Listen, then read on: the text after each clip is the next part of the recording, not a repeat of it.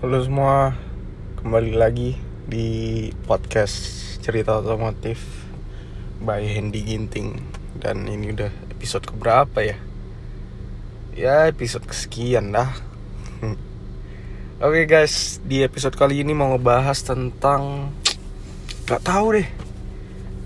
Mau ngomong-ngomong aja. Asli buka anchor udah beberapa hari ninggalin videonya udah tiga video.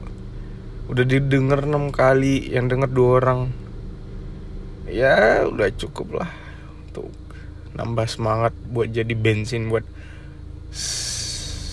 uh, buat podcast lagi. Karena ya gitu. Nggak ada yang gampang ya kan? Oke guys. Kali ini ngebahas apa sih ngebahas apa enaknya? Mungkin ngebahas ini aja kali guys. Ngebahas tentang Toyota aja kali ya. Kenapa sih Toyota sangat legenda? Salah satu yang unik dari Toyota ya guys. Karena kebetulan saya kan lahir di tahun sebelum 2000 nah jadi ngerasain mobilnya tuh mobil-mobil yang yang benar-benar udah saya rasain Toyota tuh kalau tahun 2016 ke atas ya seperti itu yang saya pernah coba. Salah satu yang unik dari Toyota adalah mereka berhasil nge bukan berhasil ya. Mereka selalu mengeksklud fitur-fitur yang literally itu kayak gak penting di Indonesia gitu. Karena memang orang Indonesianya nggak perhat perhatian akan fitur itu gitu sementara kan di Eropa aja misalnya fitur-fitur ABS, EBD itu udah bahkan diwajibkan kan. Sementara di Indonesia mereka di trim terbawahnya aja nggak ada ABS gitu. Dan di sini belum ada regulasi yang mewajibkan akan itu. Sementara itu hal yang penting.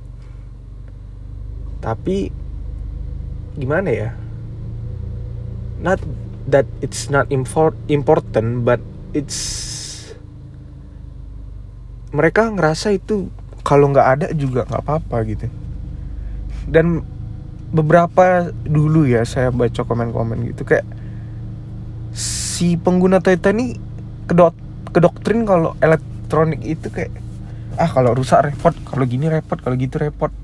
Jadi mereka malah seneng dapat mobil yang ala kadarnya yang nggak punya fitur apa-apa karena mereka ngerasa itu yang tahan gitu. Karena dari dulu Toyota memang terkenal dengan tahannya. Saya pernah uh, lihat di suatu channel YouTube gitu ngeceritain tentang proyek mobil proyek Toyota saat ngebangun apa ya namanya? Eh saya lupa lagi di itu. Kayaknya Toyota Hilux deh Toyota Hilux atau Toyota Crown ya? Nah pokoknya eh, Toyota Crown sorry. Mereka mau nandingin tuh mobil-mobil Eropa dengan mau buat mobil yang sangat-sangat durable. Walaupun si fiturnya itu nggak selengkap Eropa punya. Tapi penyiksaannya itu benar-benar gitu kayak di si mobil ini dibawa ke es keliling-keliling hidupin dibawa ke gurun pasir dihidupin lama-lama gitu. Dan risetnya itu lama sampai satu tahun lebih dua tahun bahkan. Per per penyiksaan. Nah itu legenda Toyota yang dulu gitu. Nah kalau sekarang saya nggak tahu ya belum ada yang buat dokumenter juga tentang misalnya proses pembuatan Avanza atau gimana gimana. Tapi ya seperti kita tahu engineering sekarang tuh udah sangat sangat sangat modern kan. Bahkan mobil yang yang kita dulu skeptis aja ketahanannya sekarang bisa jadi durable karena memang engineer engineer engineernya tuh udah sangat mumpuni.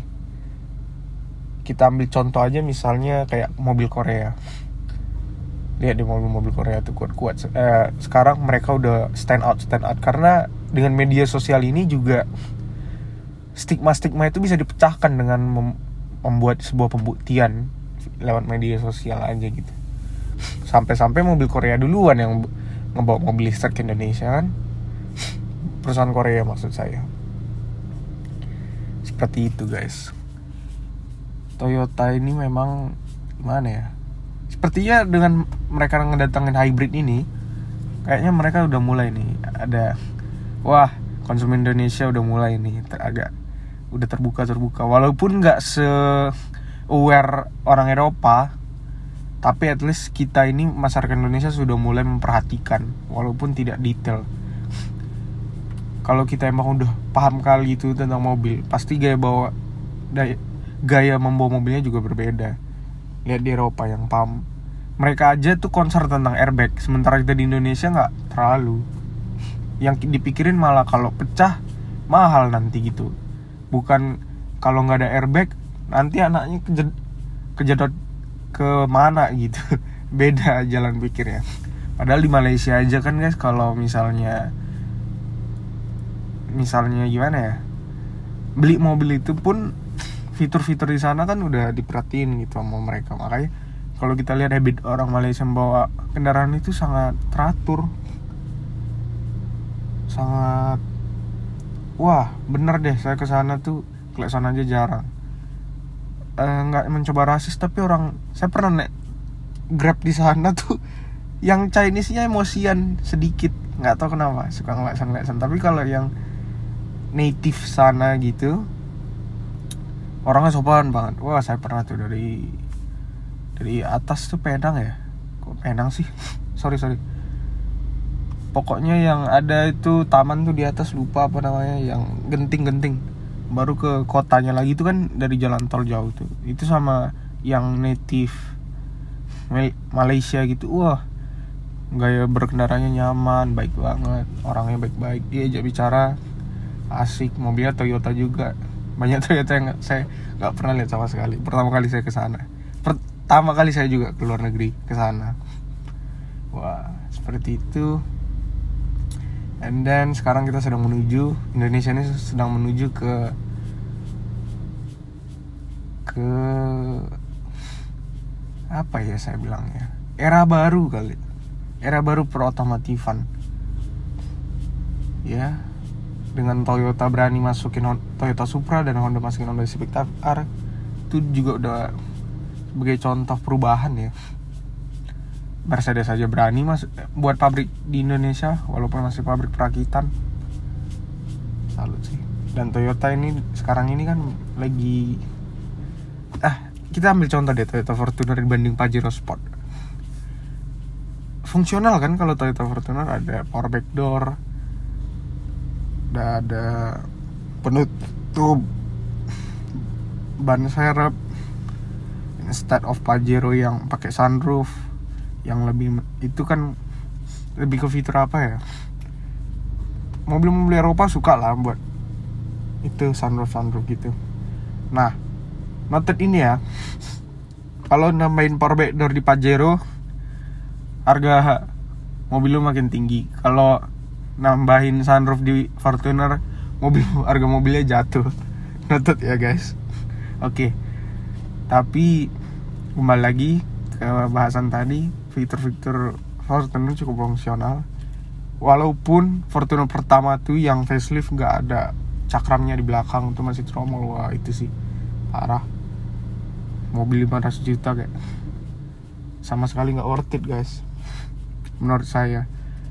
Kalau sekarang boleh lah dengan kamera 360 yang sebenarnya cuma ngandelin program aja. Dibanding CR-V turbo yang ada Honda Sensing-nya kan walaupun monokok. Tapi lebih fun to drive. Udah guys. Udah cukup ngalor ngidul. Nggak tahu nih ada bahasan apa. Kurang semangat sih gara-gara pendengarannya pendengarnya nggak naik naik